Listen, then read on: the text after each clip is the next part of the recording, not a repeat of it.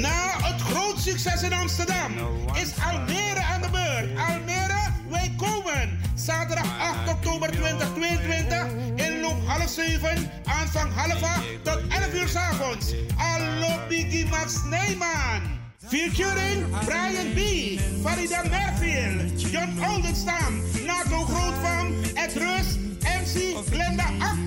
Voorverkoop van kaarten 25 euro. Kaarten verkrijgbaar in Amsterdam bij Marta Hyde. In Almere bij Juliette 06 14 28 5618. Plaats Levend Water. Park Wijkland 44 1326 AS Almere. Info 06 16 80 5758. Acta Hallo! Op zondag 14 augustus 2022 presenteert Stichting Multiculturele Organisatie Almere het Multicultureel Lumière Parkfestival. U mag de hele dag van 11 uur tot 10 uur s avonds in het Stadspark Lumière genieten van diverse muzikale optredens, dialogen, workshops en voor de kids is er een kinderdorp. Kortom, een festival voor het hele gezin. Bokuse Boom met muziekgroep Sabroso. Maar Johnny like it. Combinatie 16 met speciale gast TV. Muziekformatie de band. BLF familie met Lord Venda en Ja Prince. Mega Vibes, Race SC. De Block Party, J Lion. De winnaars van 036 Dance Event. Dansgroep Avi Stars. De host is Jonathan en DJ Akshay. Zo, we zien u allen in Stadspark Lumière. Zondag 14 augustus 2022. Lumière Park Festival. Denk je dat je een mooie stem hebt? Ja? Verdien dan geld met je stem. Schrijf je in bij Voice for Fame Amsterdam. Stuur een sample van je ingesproken stem naar twinklesoundapenstaartje.gmail.com met de vermelding van Voice for Fame. Nadat we je stem hebben beluisterd, maak je kans om geselecteerd te worden om in onze studio in te spreken. Je mag natuurlijk ook inzingen minimaal 30 seconden en maximaal 45 seconden. Ik weet dat het je gaat lukken. Er is mij één ding te zeggen. Doe je best en verdien straks geld met je stem.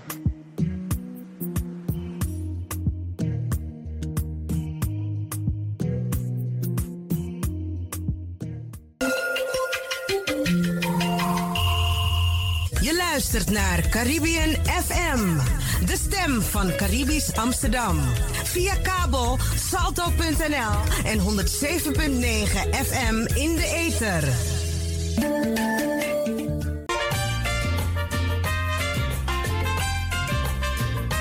Welkom op de Sunday Special Show van Studio De Leon. Vol spanning, humor en wetenswaardigheden. De Sunday Special Show.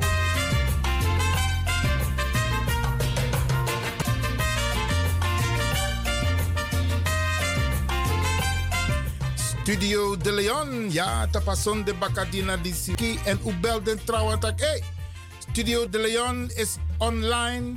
U tek je arki wa mooi sani opasati de, oké. Radio De Leon met uh, Studio De Leon. Ik moet er ook nog steeds aan wennen hoor. Ja, ja, ja.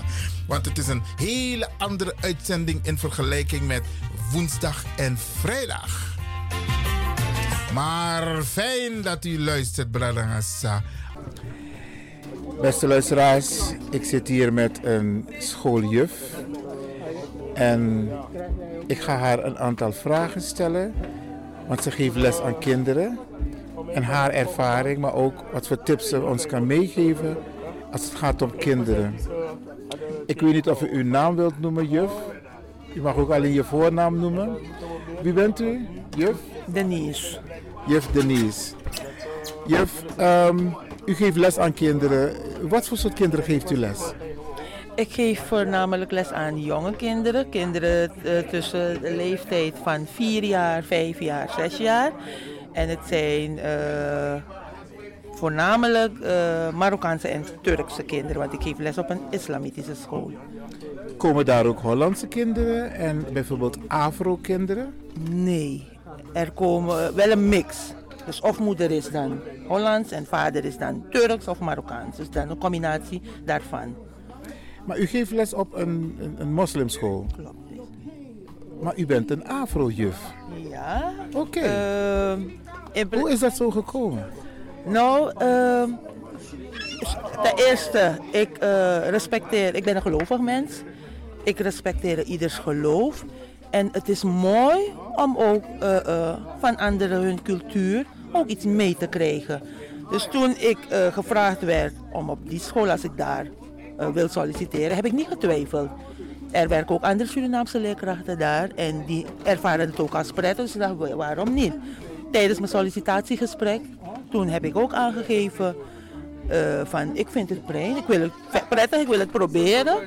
En ehm, het enige wat ik wel zei, van, zolang men eh, niet van mij verwacht dat ik ook een moslim eh, ga worden of dit. Toen zei ze nee, prima, dat hoeft niet. Maar dit zijn de regels, dit, zeg prima, daar hou ik me aan. En eh, ik vind het fijn. Ik vind het heel fijn. Je leert van die kinderen. Ik leer van de overige collega's. Soms moeten ze zelfs lachen van, zo juf, jij kent al heel veel woorden, zelfs het gebed. Oh, je bedoelt de woorden. De woorden, de woorden. Ik ken het, de dua ken ik uit het hoofd. Wat is Heb de dua? Eh, dat, het is een smeekgebed. Wanneer, de kind, wanneer we de dag starten, dat je daarmee begint. In het begin kende ik het helemaal niet, maar van de kinderen heb ik het geleerd. Groep 1, 2 geef ik les.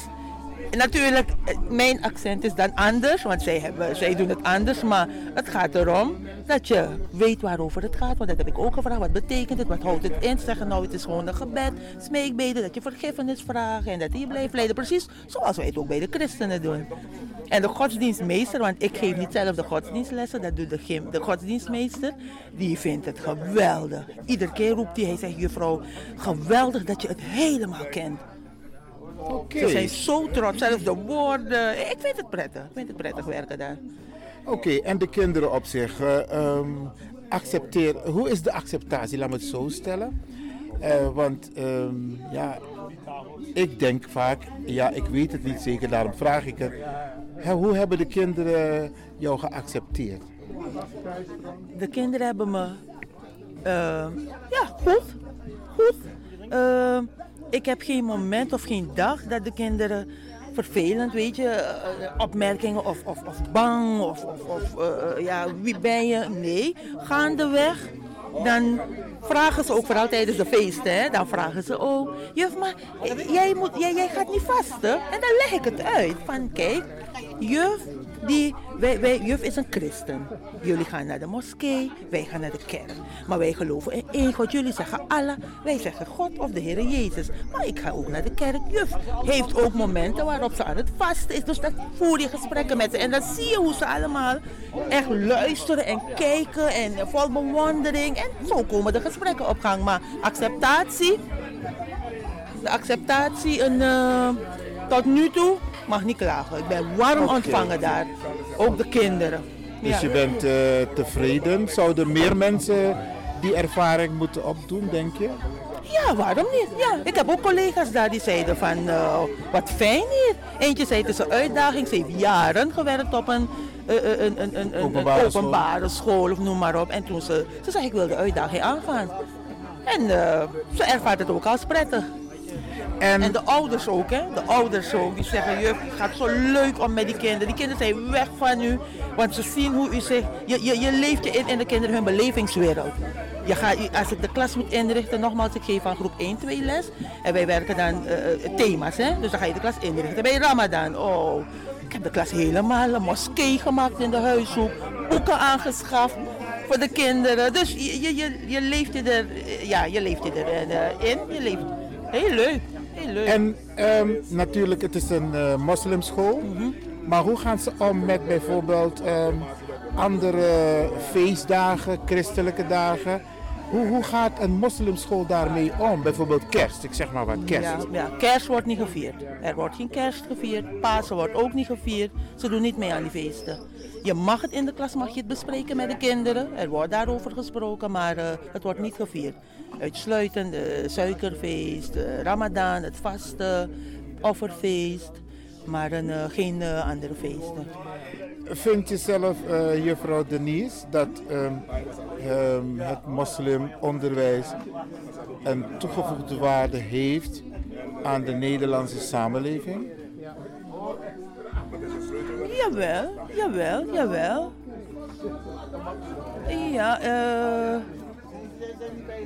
Ik, ik, stel die vraag omdat ehm, het onderwijs bedoeld is voor de basis, eh, normen en waarden, maar ook het onderwijs op zich. Maar er is ook nog heel veel, er was vroeger, laat me het zo stellen, er was vroeger veel tegenstand voor het opzetten van moslimscholen, maar nu is het bijna geaccepteerd overal. Het is geaccepteerd, ja, klopt. Het is geaccepteerd. Het is geaccepteerd. Je leert die kinderen inderdaad normen en waarden bijbrengen. Het zijn kinderen.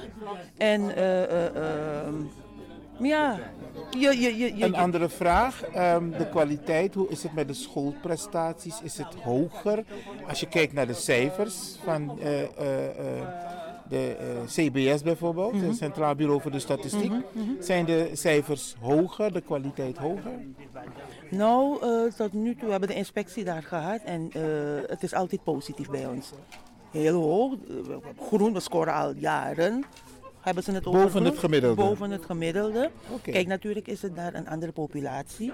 Eh, eh, eh, eh, taal, weet je. maar tot nu toe mag ik niet klagen, het gaat goed. Je gaat goede prestaties. Dus Het eigenlijk- is hard werken. Ja. Je bent, ja, want je, je, je, je gaat extra, weet je, het gaat meer om de taal bijbrengen. Maar een, er wordt veel gedaan. Vooral bij ons op school wordt er veel gedaan. Een laatste vraag, of een van de laatste vragen. Jij doet dus niet mee met de Ramadan. Ik, je hebt leerkrachten die meedoen. Je mag meedoen. Maar het is Je geen verplichting. Het is geen verplichting, maar je Maar mag ik bedoel, meedoen. het vasten is bijvoorbeeld eh, eh, overdag. Dat je niet eet, je mag wel drinken, maar niet eten. Doet u dat ook? Nee, nee. Nee, ik doe Je- dat je niet. je mag wel. Ja, ja, ja, ja, ja, ik eet de kleuters bij ons eten. De, de kleuters eten ook.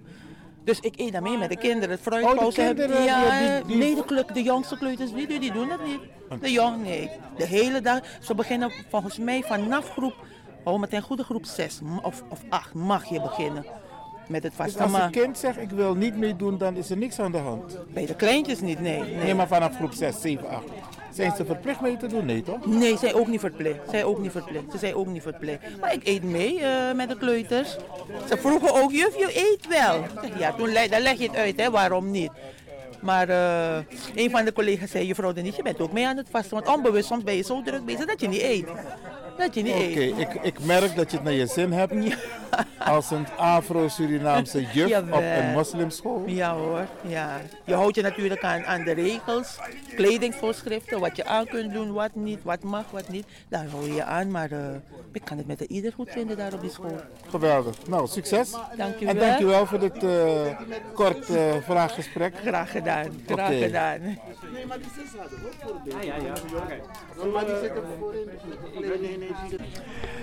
Ik praat vandaag met een aantal bijzondere mensen die ook iets leuks met u en met mij natuurlijk willen delen. Ik praat hier vandaag met een, een, een echte Hollandse broeder. En misschien wil je je naam zeggen? Eh, ik heet Peter. Peter. Peter, ehm, jij hebt een. Vertel iets over jezelf, want je hebt een prachtig gezin. Ja, nou, ik zal zelf, eh, ik stel mezelf even voor. Ik ben, eh, nou Peter, ik ben in ieder geval blank. Mijn vrouw is eh, Surinaams. En we hebben een aantal kinderen. En ja, we zijn hier op een gegeven moment zo tezamen. En wat ik, wat ik zo ga vertellen, dat is gewoon zo toevallig ter sprake gekomen. En wat valt jou op? Bijvoorbeeld, laten we even beginnen. Hoe is het om een mixed gezin te hebben? Als jullie ergens aankomen, bijvoorbeeld, wordt er naar jou gekeken of naar jouw vrouw gekeken. Hoe, hoe ervaar je dat? Ik zelf heb eigenlijk nog nooit iets geks meegemaakt. Nog nooit. Eh, kijk, je zou natuurlijk ook aan mijn vrouw moeten vragen of zij dingen heeft meegemaakt. Of de kinderen, of hun dingen hebben meegemaakt. Maar eh, mijn kinderen die zijn nu eh, dik volwassen. Ik heb nog nooit volgens mij iets gehoord dat ze iets geks hebben meegemaakt omdat ze halfbloed zijn. Ga door, ga door. Dus ik zelf heb eh, geen negatieve ervaringen. Nog nooit meegemaakt. Ik denk dat je het wel het best kan vragen natuurlijk aan mijn vrouw of aan de kinderen. Maar die zijn hier op dit moment niet. Oké, Dus lastig. oké. zet hem even op pauze. Even een korte onderbreking tussendoor. Pa- eh, Peter, ik ga, ik ga dat eruit knippen hoor. Peter, ehm, nou ben je ook in een warme familie. Hoe, is, hoe, is, hoe ben je ontvangen? Wat is jouw ervaring? Hoe vind je dat? Eh, ook dat kan ik zeggen. Nooit iets geks meegemaakt. Altijd met open armen ontvangen. Ik blijf altijd natuurlijk die, eh, die, die vreemde eend. Eh, dat is zo. Maar nooit iets geks meegemaakt. Altijd met open armen ontvangen. Iedereen kent me altijd als de man van. En eh, ja, ieder, Oké. En ehm, nou heb jij eh, drie kinderen. ja, tussendoor wordt er gegild en gelachen en gedronken. Oké, eh, Peter, ehm, jouw ervaring, want je hebt natuurlijk kinderen uit een mixgezin. Dus eh, jij bent, wij zeggen geen blanke, wij zeggen wit. Ehm, en een afro-dame. Ehm, wat is de ervaring van jouw kinderen als het gaat om de samenleving? Hoe wo- worden ze geaccepteerd? Ja, weet je, ik moet natuurlijk wel een beetje terugkomen op mijn woorden wat ik net zei. Hè? Want ik zei, we hebben nog nooit wat geks meegemaakt. Of nog niet zover dat ik weet. Alleen wel met school. School? Met school. Oké. School en eh, de privé situaties eh, van feestjes. De thuisfeestjes, de verjaardagen. En zo is het eigenlijk ook een beetje te sprake gekomen hier. Zo van, ja, wat, hoe ging het op de feestjes? Hoe ging het op school? Nou, op school, dan merk je wel dat, eh, dat ging met name om mijn jongste zoon. Die werd wel een beetje buitengesloten. En dat had er toch wel mee te maken, eh, omdat hij het enige halfbloedje in de klas was. Eh, over het algemeen, ik kom uit Amsterdam-West vandaan. Amsterdam-West was eh, de klassen die waren, ik denk misschien 80, zelfs 90 procent eh, Turks of Marokkaans. Maar een heel klein percentage was dat niet. Nou, die zijn dan eh, resterend of Surinaams of halfbloed of Hindoestaans. Nou ja, wat voor, eh, wat voor mensen dat er nog meer eh, zijn. Maar dan merk je wel dat eh, een aantal groepen wel heel erg naar elkaar toe trekken. En vooral dus op de, op de feestjes, eh, de Turkse feestjes. Nou, je, je kan toch wel zeggen van, eh, ben je een moslim of ben je geen moslim? Eh, dan word je uitgenodigd of, of je wordt niet uitgenodigd. Wordt er een onderscheid gemaakt dus? Er wordt echt een onderscheid gemaakt. En daar, daar, ben, ik echt, eh, daar ben ik echt wel achter gekomen. De kinderen die komen op zich nog wel bij jou thuis. Ook niet allemaal als je ze uitnodigt voor een feestje. En dat zijn dus gewoon zijn beste vrienden of klasgenootjes. Beste klasgenootjes van destijds. En toch hoor je op een gegeven moment van, eh, nou er is een feestje dat wordt gegeven door dat en dat klasgenootje bij hem thuis. En dan wordt, nou praktisch de hele klas wordt uitgenodigd, maar hij niet. Oh, het is, het is echt vervelend. En dat is wel vervelend, ja. Want alle Eh, kinderen praten erover natuurlijk, ga ik ervan uit. Ja, precies, ja. Ja, leuk feestje geweest eh, gisteren. En, eh, Wauw. nou, en dan weet ik dat mijn zoontje destijds gewoon geen buitengesloten kind was. Nou, hoe kan je dat zeggen? Weet je, het is best wel lastig om te zeggen. Want ik zeg nu niet buitengesloten was, maar aan de andere kant dus ook weer wel. Want ook bijvoorbeeld met het spelen. Kijk, want je kan misschien toch wel het begingedeelte, want je kan er misschien toch wel even iets stoppen. In het begin heb ik dus gezegd, Maar Peter, ik, ik, daarnet zei je, het is geen problemen, maar ik, als ik je zo hoor, zijn er dus wel problemen. Ja. Vanwege het feit dat je, ja, Ja. op zo'n Hollands gezegd, half bloed Weet je, en dan als je dus eh, je, je kinderen hebt met hun, eh, met hun vrienden of eh, je familie of wat dan ook, zijn er eigenlijk helemaal geen problemen. Vrienden. Maar komen er op een gegeven moment feestjes of wat dan ook, dan wordt het wel iets anders. Dan opeens zijn de vrienden, nou ja, die worden begeleid door hun ouders natuurlijk. Of dan zijn de ouders die bepalen wie er wel en niet op het feestje mogen komen. Eh, ja, voor de deur spelen heb ik ook wel situaties meegemaakt. Dat zijn kleine situaties, dat bijvoorbeeld kinderen in hun eigen taal gingen praten eh, over mijn zoon en ook gingen lachen over mijn zoon. En als je dan op een gegeven moment naar de ouders toestapt, weet je, het zou fijn zijn dat ze misschien toch in Nederlands praten, want ik ken het hartstikke goed. eh, dat ze dan opeens niet thuis zijn of, of blind zijn, een kop in het zand steken. Maar heb je het gevoel dat dit niet alleen bij jou speelt, maar op meerdere locaties in Nederland? Volgens mij wel. Weet je, ik heb het ook wel eens eh, ter sprake gebracht met, eh, met vrienden en ook op het werk. Ook met Turkse of Marokkaanse collega's op het werk. Heb ik dezezelfde situaties eh, verteld. Maar niemand herkent zich erin. En dat is denk ik wel een probleem. Die hebben ook allemaal kinderen, maar niemand herkent zich erin. En toch gebeurt dit. Maar, Maar- toch, Als ik je zo hoor praten, dit is niet leuk. Sowieso niet leuk voor de kinderen, maar ook niet leuk voor de ouders. En ook denk, denk ik niet goed voor de samenleving. nee. Eh, dat is wel ook een reden dat wij zijn verhuisd uit Amsterdam-West. Maar we hebben het probleem achtergelaten. Je hebt het probleem, Maar- maar wij kunnen het probleem niet veranderen. Maar Weet je, het is, het is heel simpel. Eh, ik heb niks tegen Marokkaanse en Turkse mensen. 0,0. Het zijn altijd bevrienden geweest. Alleen er gebeuren wel dingen in, wat ik net zeg, hè, de, de feestjes-situatie, noem maar even de feestsituatie, waarin er wel op een gegeven moment onderscheid wordt gemaakt. En uiteindelijk is het ook zo natuurlijk als er op een gegeven moment een bepaalde bevolkingsgroep of een aantal mensen, of dat nou Turkse of Marokkaanse mensen zijn, te veel van een bepaald, bepaalde cultuur of hoe je het ook mag noemen, in één bepaalde plek, bijvoorbeeld op school. En een klas bestaat uit 80% uit eh, moslims, zullen we misschien Ja. zeggen, Turks of Marokkaans. Dan is dat gewoon niet goed. Dat is gewoon niet goed. En dat is wel een klein beetje het probleem. Als je ook in een boutique woont en een boutique, eh, ja, dan kan je op een gegeven moment de, echte Nederlanders kan je zoeken. Dat geeft op een gegeven moment wel wat, eh, wat eh, problemen. Maar ehm, de schoolleiding, die weet hiervan. De schoolleiding die steekt hun kop in het zand. Nee, dat nou? de schoolleiding steekt absoluut zijn kop in het zand. Ja. En dan, nou, die doen er niks aan. Maar nou heb jij dit meegemaakt. Oké, je bent nu verhuisd, zeg jij. Ehm, het probleem blijft bestaan. Wat voor adviezen of tips zou je kunnen meegeven dat eventueel als mensen dit programma horen, wat zou je kunnen meegeven? Want je hebt meerdere, waarschijnlijk meerdere ouders met een, een, een mixgezin die waarschijnlijk ook dit soort problemen hebben. Is lastig, ik moet er even van zuchten. Het is lastig, want het probleem ligt natuurlijk bij, bij de ouders. Bij de ouders eh, van, eh, noem het even de moslimgezinnen, de Marokkaanse of Turkse gezinnen. Je hebt natuurlijk wel meer, meer gezinnen wie, eh, wie dat onderscheid maken. Wat eraan te doen valt, die mensen die zouden er meer voor open moeten staan. Dat ze ook andere kinderen uitnodigen op de feestjes. Dan alleen hun eigen landgenoten. Of, dat is, ik denk niet dat je daar doorheen gaat komen. Denk ik niet.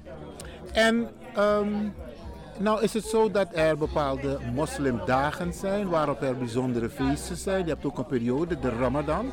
Hoe, hoe, heb je ervaring of jouw kind ervaring met eh, hoe het toegaat tijdens de Ramadan? Wordt hij ook verplicht om te vasten? Eh, nee, hij is nooit verplicht om te vasten hoor. Ik weet wel, het werd allemaal eh, groot gevierd op school. Dus, maar daar zijn nooit echt bijzondere dingen uitgekomen. Nee, Oké, nooit echt iets bijzonders meegemaakt. Dus dat ging altijd gewoon goed. Ja. Zeggen. oké. Nou Peter, eh, is er nog iets wat je eventueel aan de luisteraars zou willen meegeven? Die op met een dergelijke situatie te maken hebben? Eh, Lastig hè? Ja, dat is heel lastig. Kijk, in het begin eh, ga je denken op een gegeven moment dat, dat, dat jouw kind het probleem kan zijn. Eh, je kind wordt buitengesloten, dan kan je zeggen, ja, is mijn kind zo bijzonder dat hij wordt buitengesloten? Is hij zo apart? Eh, ligt het aan hem? Nou, we zijn op een gegeven moment dus verhuisd. En vanaf het moment dat we verhuisd zijn, heeft het hele probleem niet meer gespeeld. Hij was, uiteindelijk, was hij, uiteindelijk was hij ook heel vaak eh, de pineut in de klas. Gebeurde er wat, dan, werden de, dan werd hij continu werd hij aangesproken. Terwijl dat hij zegt, ja, maar ik deed het samen, iemand anders ook. Maar die werd niet aangesproken. En hij zat eh, elke week zat hij bij de Maar directeur. dat is niet leuk. Hij zit elke week bij de directeur eh, op kantoor. Sinds dat we zijn verhuisd, hebben we dat nooit meer meegemaakt. Dus eigenlijk zeg jij, het is ook de school of de wijk waar dit soort Ja, de school in de wijk. situaties zich eh, Ja, de voordoen. school in de wijk, ja. En dus ja, de school in de wijk, dus de leerkrachten. Leerkrachten die steken ook gewoon een kop in het zand, weet je. Ze willen, ze willen ook niet misschien eh, voor iets worden uitgemaakt. Dus eh, kop in het zand steken. Problemen niet zien. Nou, ik, ik moet je eerlijk zeggen, ik luister zo naar je en ik denk dat ehm, ehm, er wel degelijk iets moet gaan gebeuren, want dit kan niet altijd zo zijn. Nee, kijk, ik spreek natuurlijk niet uit naam van iedereen. Je zou eens eh, uiteindelijk moeten vragen of er meer mensen zijn met ditzelfde probleem. Dan weet je uiteindelijk natuurlijk ook of het een echt een structureel probleem is. Ik, dit is mijn ervaring. Eh, misschien was mijn kind zo bijzonder. Al- alleen ik heb er nog een paar en ik heb ongeveer zo'nzelfde situatie meegemaakt. Alleen toen was het nog niet zo. eh, toen was de bevolking nog iets anders verdeeld, laten we het zo zeggen. Weet je, toen was het minder, minder van een bepaalde volk- bevolkingsgroepen in de wijk. Uiteindelijk nadat eh, de andere kinderen kwamen, werd het steeds meer en meer. En ja, werden de problemen dus ook meer en meer. Ja, ja. Dus, maar wat ik zeg, ja, je zou het ook eens bij andere mensen moeten informeren. Dat kan je Gaan we doen, gaan we doen. We gaan luisteraars oproepen die een dergelijke situatie meemaken. Dan wel direct of, din- of dan indirect. Ehm, om, om die ervaringen met ons te delen en vragen wat zij hier aan hebben gedaan. Peter, ik ga je bedanken Ja, nou graag gedaan. voor jouw eh, bereidwilligheid om toch over dit lastig onderwerp eh, te vertellen. Ja, het is inderdaad een lastig onderwerp. Dat, eh, dat is zeker zo. Oké, maar goed, het gaat nu goed met je zoon. Hij zit Ja. nu in, in een hele nieuwe situatie. Ja, klopt. Het gaat hartstikke goed. Dus eh geen klagen. Dankjewel voor het gesprek, Peter. Is goed. Oké. Ehm, over het onderwijs praten we. En ik zit hier tegenover een, moet ik zeggen, een gepensioneerde onderwijzer. Maar u mag het zelf zeggen. Wie bent u?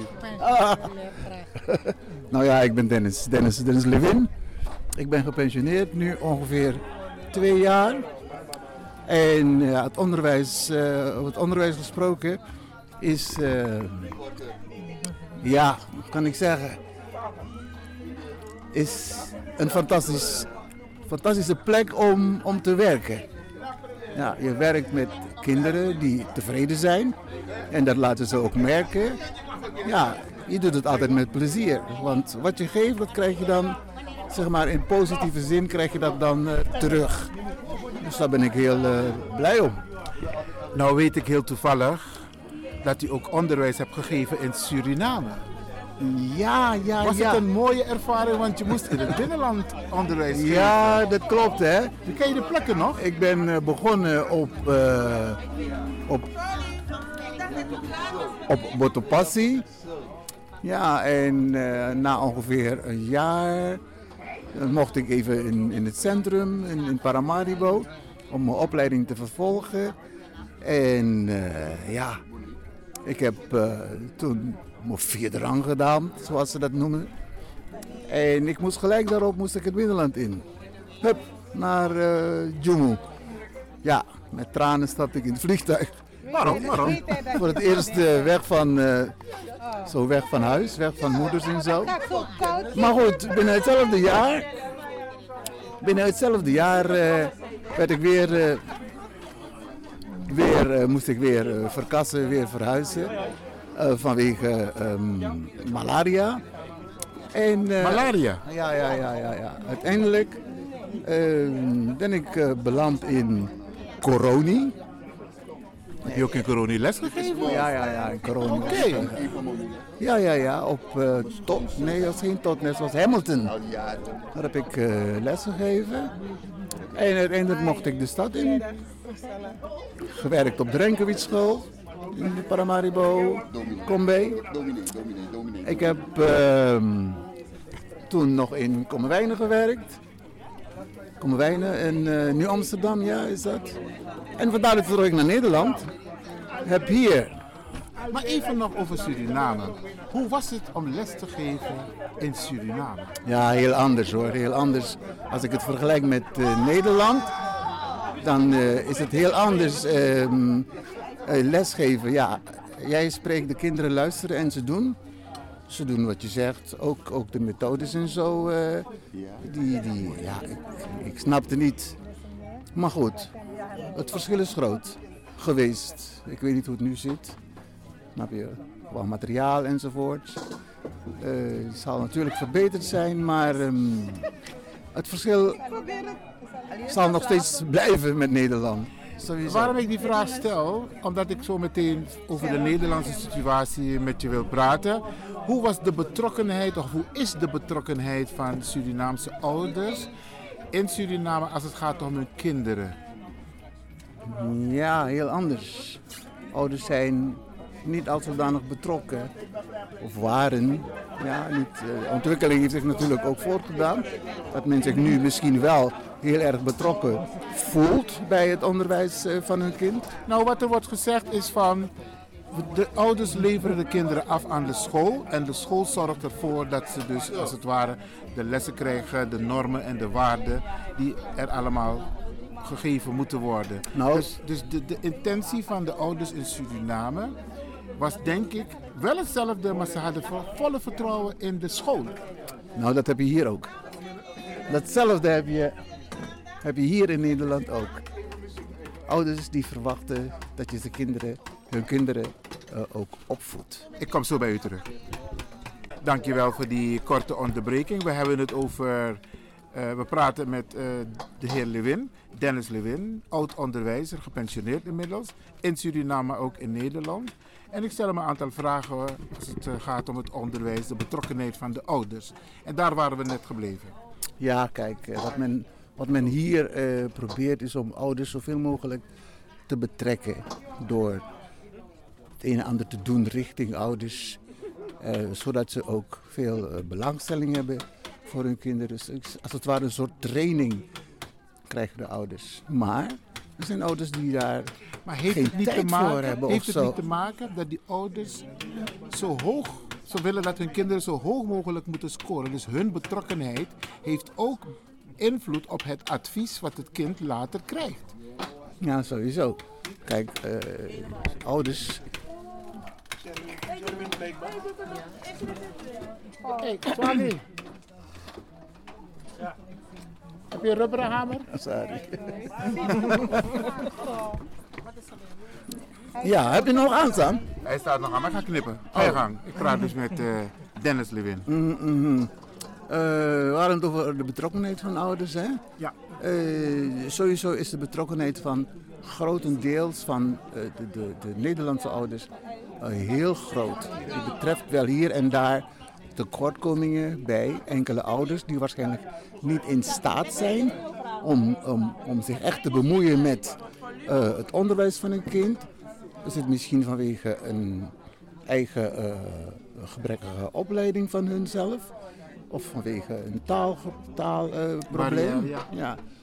Maar, maar dan heb je het nu in het algemeen over de Hollandse ouders of heb je het ook over de migrantenouders? Want nou, die de zijn... betrokkenheid van de migrantenouders? Uh, over allebei.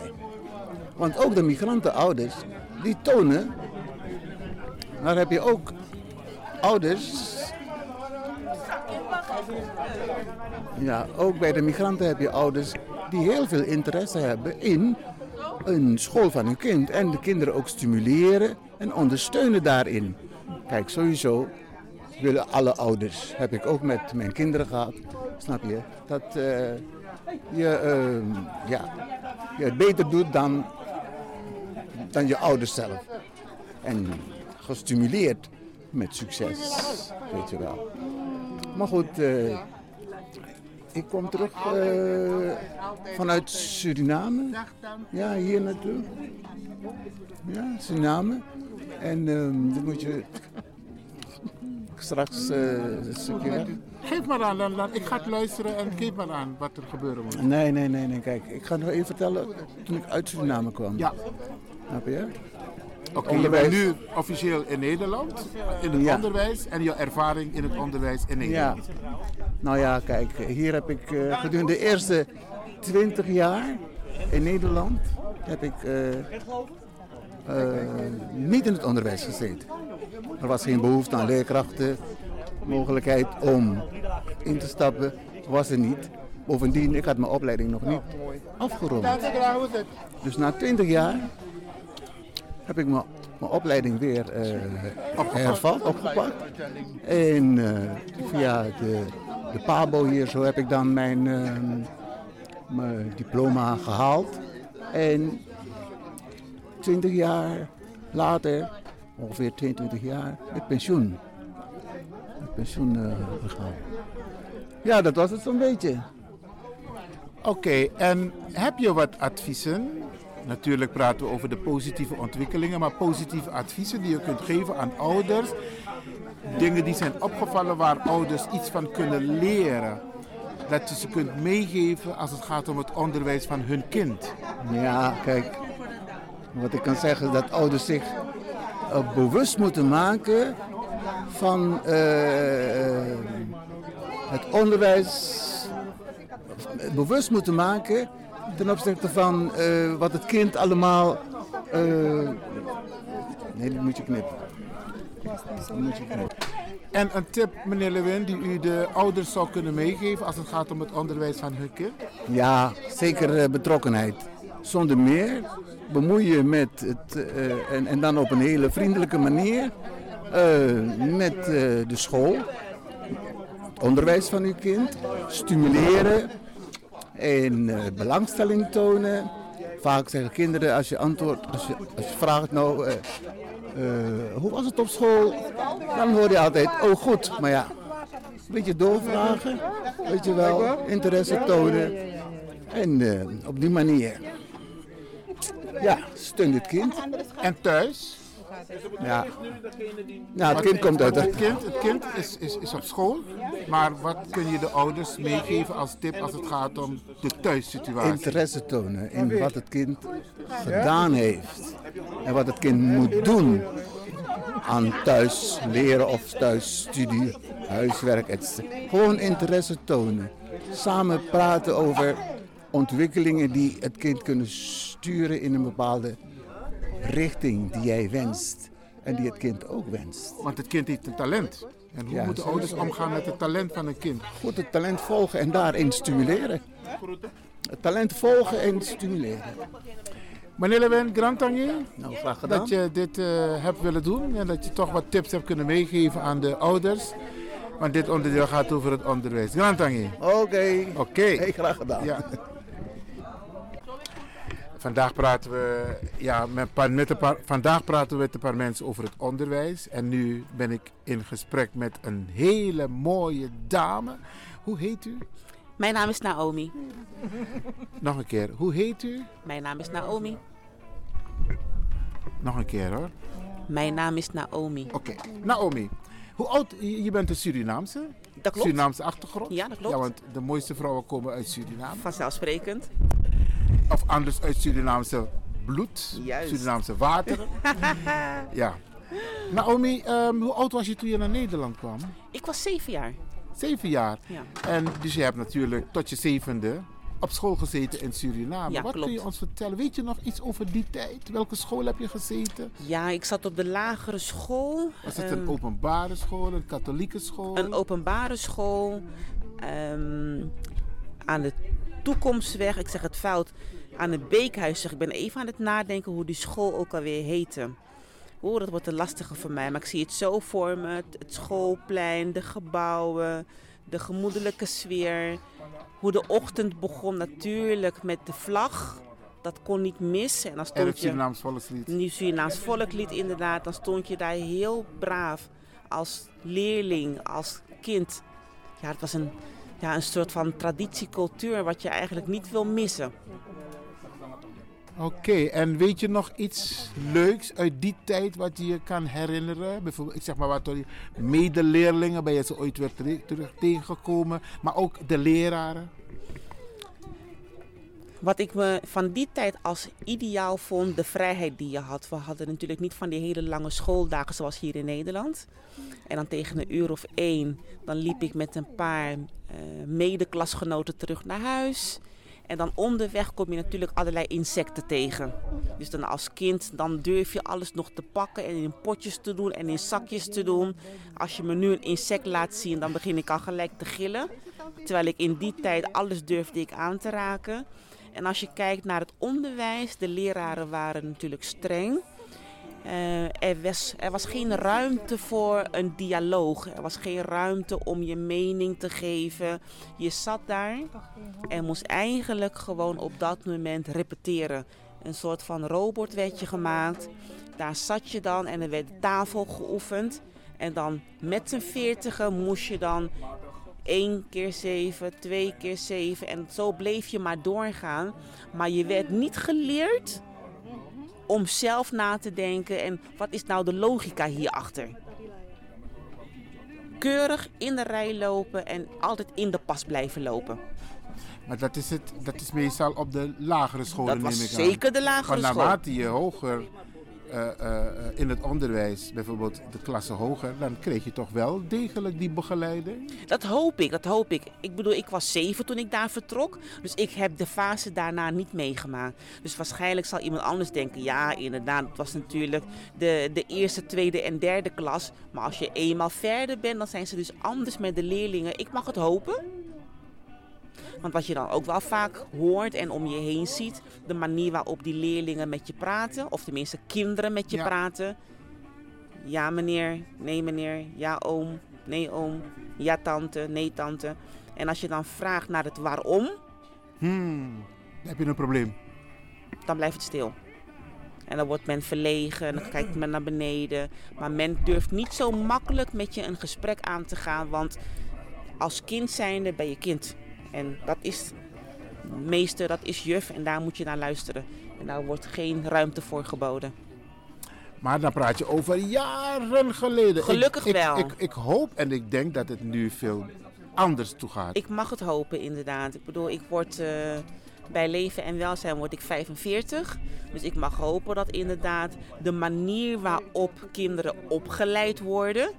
ehm, opgeleid dat je ook zelfstandig kunt nadenken. Dat het al op de basisschool begint. En niet als ze de fase van de MULO ingaan en daarna naar de middelbare school. Dus ik mag hopen dat op de basisschool je al ruimte krijgt om inderdaad je eigen wereld te vormen.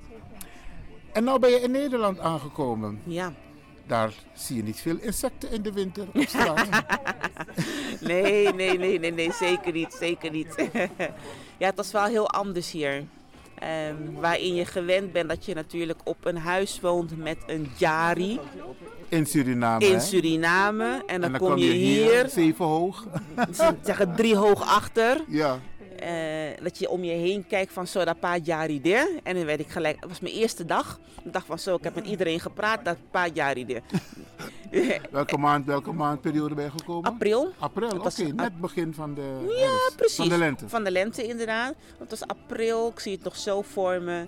En ja, ik werd gelijk uitgelachen van, oh oké, we gaan deze even een, ehm, een inburgeringscursus geven. Ja. Oké. Ja. En ehm, je bent natuurlijk ook op de basisschool terechtgekomen hier in Nederland. Ja. Weet je nog wat ervaringen van de eerste dag? Was je de enige mooie donkere Ehm, in de nee, klas of waren er meer? nee, dat zozeer niet. Ik moet zeggen dat er zijn maar een paar momenten van mijn eerste basisschool me goed bijgebleven. Ehm, ik ging toen naar een katholieke school. In Nederland. Precies. Eh, ik heb op twee basisscholen gezeten. Ging dus, de eerste was een katholieke school. Dus inderdaad, dan ging je mee met de tradities voor de katholieke school. Ook regelmatig naar de katholieke kerk met de hele klas.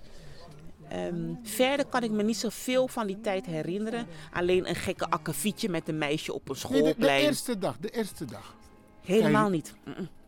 Is me niet bijgebleven. Wauw. Gek hè? Is me niet bijgebleven. Nee. Oké. Maar wat leuke ervaringen, want je hebt toen de basisschool. Ik heb daarnet gesproken met een paar ouders, maar ook met een, een onderwijzeres en een Ja. onderwijzer. Ja. Om te horen van, hé, hey, hoe gaat het met het onderwijs geven, de ervaring van de kinderen Ja. in de klas? Gelijke behandeling, ongelijke behandeling, soms is het zelfs discriminatie. Ja. Onze kinderen, dat is ook wat ik ervaar. Ik, ik, ik praat met heel veel mensen Mhm. en ik hoor dat sommige kinderen absoluut ongelijk worden behandeld Ja. op, eh, op, in de klas, Ja. op het schoolplein, maar ook daarbuiten. Ja. Ja. is jouw ervaring. Nou, dan moet ik als eerste zeggen dat ik discriminatie, de term, de definitie in Nederland heb geleerd. Maar niet de ervaring en het gedrag. Dat heb ik in Suriname geleerd. Oh, Want ik zal niet eerlijk zijn als ik zal zeggen dat ik voor het eerst op mijn huidskleur ben aangesproken toen ik in Nederland aankwam. Ik heb een donkere huidskleur. mooi zo. Mijn huidskleur is donker. Ik heb geen eh, glad haar. Ik heb werkelijk kroeshaar. Langer de oloisfeer, wat ze altijd vroeger zeiden. Dus in Suriname al werd ik aangesproken op mijn huidskleur. Het is niet hier gebeurd. In Suriname al werden we aangesproken als je wat gladde haar had. En als je wat lichter getint was. En het zou nog mooier zijn als je een bepaalde golf in je haar had. Nou, dan, dan, dan, dan, dan, dan, dan, dan, dan was je er. Dat is wel jammer, hè? Dat is jammer. Dus ik, ik, ik wil altijd daarin heel eerlijk zijn. En hier heb ik woorden geleerd die ook in de vandalen staan. En dat noemen we discriminatie. En dan wordt het ook nog een stempel gegeven. Dus ik ga nooit zeggen dat ik hier dat geleerd heb. Tuurlijk heb ik dat ook hier meegemaakt. U vroeg net van die eerste schooldag, daar weet ik niks van. En misschien ook die hele schooljaar niet als één incident waarbij uit het niets een meisje me aansprak en toen tegen me zei: Sinds jij hier op school bent, is het hier niet meer leuk op school. Oh. Nou, zij had een andere huidstint dan ik en een andere haarstijl dan ik. En toen dacht ik, goh, in Suriname heb ik niet geleerd om te praten. Om dan terug te zeggen van, goh, maar waarom zeg je dat dan? Ik vind het niet leuk dat je dit zegt. In Suriname had ik gelijk, geef gelijk een koffie. Dus die klap heeft ze meteen van me gekregen. En ze heeft me nooit meer zo'n opmerking gegeven. Zo. zo. Oké, en toen dacht hij van, oh, zo werkt het ook. Zo werkt het ook. Oké. Ja, dus dat was dus de kracht van Suriname. Van aan de kant, gaan we aan draai, draai, troesoe, troesoe. Hier heb je die Maar klap. heeft het effect gehad op de rest van de school? Oh ja hoor, het is nooit meer gezegd. nee, nee, nee, nee, nee, nee, nee. Dus alle kinderen waren meteen ook meteen poeslief. Die waren ik het goed? genezen. Oh, genezen ook nog. Oké, Ja, oké. ja, ja. Oké, ehm, maar wat vind je, wat, wat, ja, je bent heel jong naar Nederland gekomen. Ja. Het systeem in Suriname is eigenlijk ook een soort Hollands systeem, want Suriname was een kolonie van Nederland. Ja. Alleen denk ik dat het, de mogelijkheden in het onderwijs hier meer aanwezig zijn dan in Suriname. Nou, ik denk dat het wel klopt inderdaad dat je hier ehm, meer kans krijgt. Het begint eigenlijk al op de basisschool, dat je daarin al bepaalde stromingen ziet. De kinderen die inderdaad excelleren en de anderen die nog wat begeleiding nodig hebben. Ja. En dan zie je ook degene waarbij men eh, al weet, nou dat wordt iemand die met de boeken sterk is en dat is iemand die met de handen heel erg sterk is. En dan word je al gelijk na de basisschool, na de lagere school, word je al een kant opgestuurd. En in Suriname dan heb je feitelijk, als ik het goed begrepen heb, twee stromingen. Je komt op de ULO of je komt op de MULO. En als je dat af hebt, dan pas gaan we zien wat je gaat worden. Terwijl hier in Nederland je al eerder die gelegenheid krijgt om daarover na te denken. Precies, nou ja, niet zozeer over na te denken, maar dat ze al eerder Sturen. je sturen naar een bepaalde richting. Dat je in de zin dat je de kader hebt, je hebt de MAVO, de HAVO, de VWO, de Atheneum. Nou, je hebt al die lijnen in één keer na de lagere school. En niet die twee grote groepen. U gaat naar de ULO of naar de MULO en we gaan daarna zien wat er gebeurt. We praten dus met eh, Naomi. Naomi die heeft deels van haar jonge, hele jonge jeugd in Suriname doorgebracht tot haar zevende. Heeft wat verteld over haar ervaringen op school. Leuke dingen na Ja, school met die insecten. zeker. En nu ben je bang voor de insecten? En nu wel. En nu ben je in Nederland en je bent, eh, ja, je bent al afgestudeerd, want je werkt. Ja. Maar ik, ik vraag aan jou om met de luisteraars te delen jouw ervaringen. Ehm, wat ik jou wilde vragen is van... Heb jij altijd volgens jou het juiste advies gekregen als het gaat om je niveau? De ervaring leert, als ik met heel veel mensen praat, dat, en dat is een systeem in Nederland, zeggen sommige mensen, dat de kinderen wel hoger kunnen, maar ze krijgen toch dat niveau, dat niveau niet geadviseerd. Heb jij ervaringen daarmee? Als ik naar mezelf kijk, denk ik dat ik wel het juiste advies gekregen heb. Laten we niet vergeten, ik had niet vanaf eh, eh, de crash kinderdagverblijf, dat ik al gelijk hier in het Nederlands onderwijssysteem zat. Zeven, acht jaar. Dus dat betekent dat je al een fundering hebt gelegd op een ander niveau. Dat is niet erg, want ik was elf toen ik de lagere school verliet. Zesde klas, tegenwoordig groep 8. En ik kon dus door. En toen ben ik naar de LBO gegaan. Heb ik dat toen als vervelend ervaren? Zeker niet. Ik had niet het idee van ja, maar ik kan veel meer. Ik had toen in mijn hoofd, nou, ik word accountant. Dus ik ga nu naar de LEAO, dan MEAO en dan HEAO en dan ga ik AA en ik ben accountant. En die route is ook bijna zo uitgepakt. Ik heb er wel langer over gedaan. Maar je hebt elke keer wel het advies gekregen. Heb je nooit het advies gekregen van nou, je, hoeft je, met jouw cijfers kan je niet naar MEAO of HAO? Het advies wat je krijgt is alleen op de basisschool. Dan geven ze zeg maar een advies op basis van je CITO. Je CITO-uitslag dat is natuurlijk op dat moment een onderdeel van het totale adviespakket. En ook al ben ik op een gegeven moment wel hoog geëindigd, denk ik niet dat toen ik elf was, op dat moment al rijp genoeg was om al naar een HAVO te gaan. Mhm. Sommige mensen zijn een beetje zoals een, eh, een schildpad, maar die komt er ook wel. Ja. Iedereen zijn eigen ritme. Zijn eigen ritme inderdaad. En de mogelijkheden zijn er. Volg gewoon je ritme. Dat wil niet zeggen omdat die persoon op dit moment LBO krijgt, dat dan de wereld in elkaar stort. Echt niet. Want als het kind excelleert, komen we er gauw genoeg achter. Een mooi voorbeeld daarvan, mijn examenjaar van de LEAO. Nou ja, je moet dan aangeven op welk niveau je bepaalde vakken in je examen wil doen. En ik weet, mijn moeder had aangegeven, nou, na je examen gaan we naar Suriname. En ik dacht, hmm, laat ik nu maar de hoogste dingen aankruisen. Ik moet geen herexamen hebben, want we gaan weg. Dus ik had alles aangekruist, ik heb mijn examen gedaan. En ik werd op een gegeven moment door mijn Nederlandse, mijn docent Nederlands, werd ik even aan de kant gehaald. Surinaamse man overigens. En hij zegt, uh, Rut, hoe komt dat jij D? Hij zegt? Hij zegt. Hij zegt, Naomi, hoe komt dat jij D, D hebt aangekruist? En op dat moment begin ik te huilen, want ik denk, hij wil me eigenlijk zeggen dat ik gezakt ben. Dus ik begon al stotterend te vertellen dat ik naar Suriname zou gaan. En ik dacht, ik wil geen herexamen, dus ik heb maar de hoogste dingen aangekruist. Hij zegt, ik heb niet gezegd dat je gezakt bent. Ik wilde alleen weten, hoe Waarom? komt het Ja. dat jij D hebt aangekruist? Nou, en die man dacht, ah, moet maar eens met taboe. Dus ik ben op een gegeven moment gaan zitten en ik kreeg mijn cijferlijst natuurlijk na een paar weken. En toen begreep ik wat hij bedoelde. Ik had wonderbaarlijk heel hoog gescoord. En daarvoor was ik een leerling.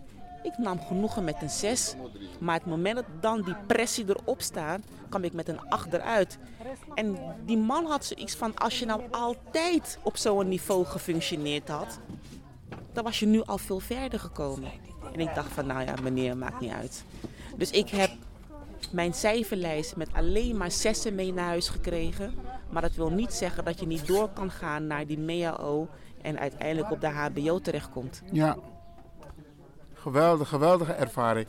En ehm, hoe heb jij jouw onderwijstraject, opleiding afgesloten? Uiteindelijk ehm, heb ik een HBO-opleiding gedaan. Ik ben geen accountant meer geworden. Ik kwam er pas op het laatste moment achter door iemand die in Italiaanse maatpak op school kwam van een accountancybureau. En die zei, het leek alsof ik de enige was in de klas. Besef je je wel dat je de rest van je leven met cijfers moet werken? En ik denk,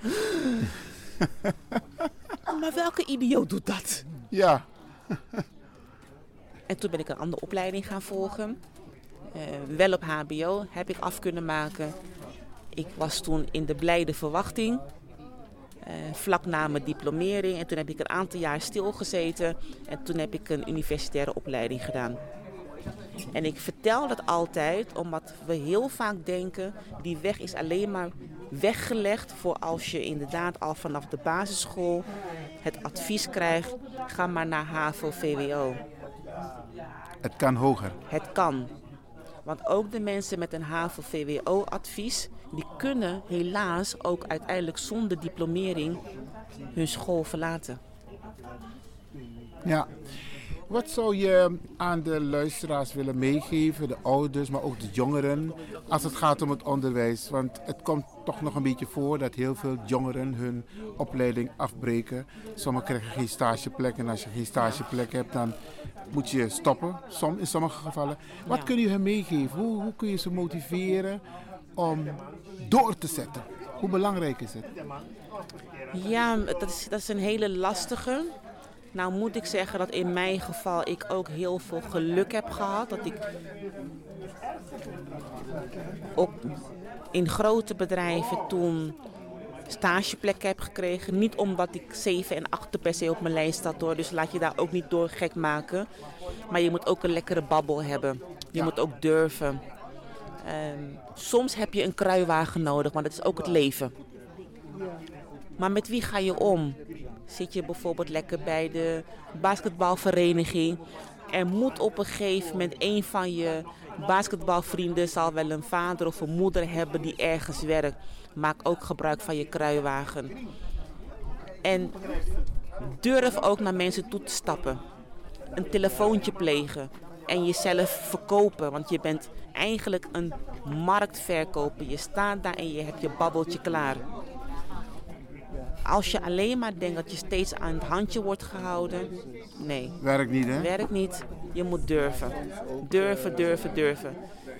Ehm, ik heb misschien ook wel massa gehad. Ik weet niet waar nou het geheim in zit. Wat je nou exact moet doen. Maar maak gebruik van je kennissen om je heen. Je netwerk. Je netwerk. Naomi, ik ga je bedanken voor je openhartigheid. Ja, graag gedaan. En ehm, succes en Ja, bedankt dat ja. je toch nog wat advies hebt kunnen meegeven aan onze jongeren. Juist. Die dit horen of via hun ouders te horen krijgen. Ja, Grand. Tangi, Graag Naomi. gedaan. Oké. alsjeblieft. Tot ziens.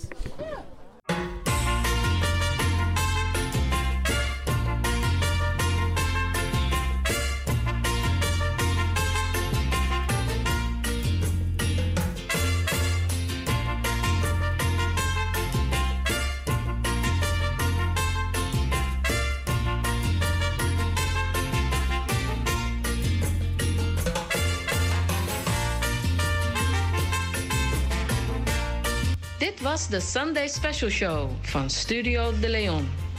Eet smakelijk en tot de volgende week om 4 uur 's middags tot 7 uur 's avonds.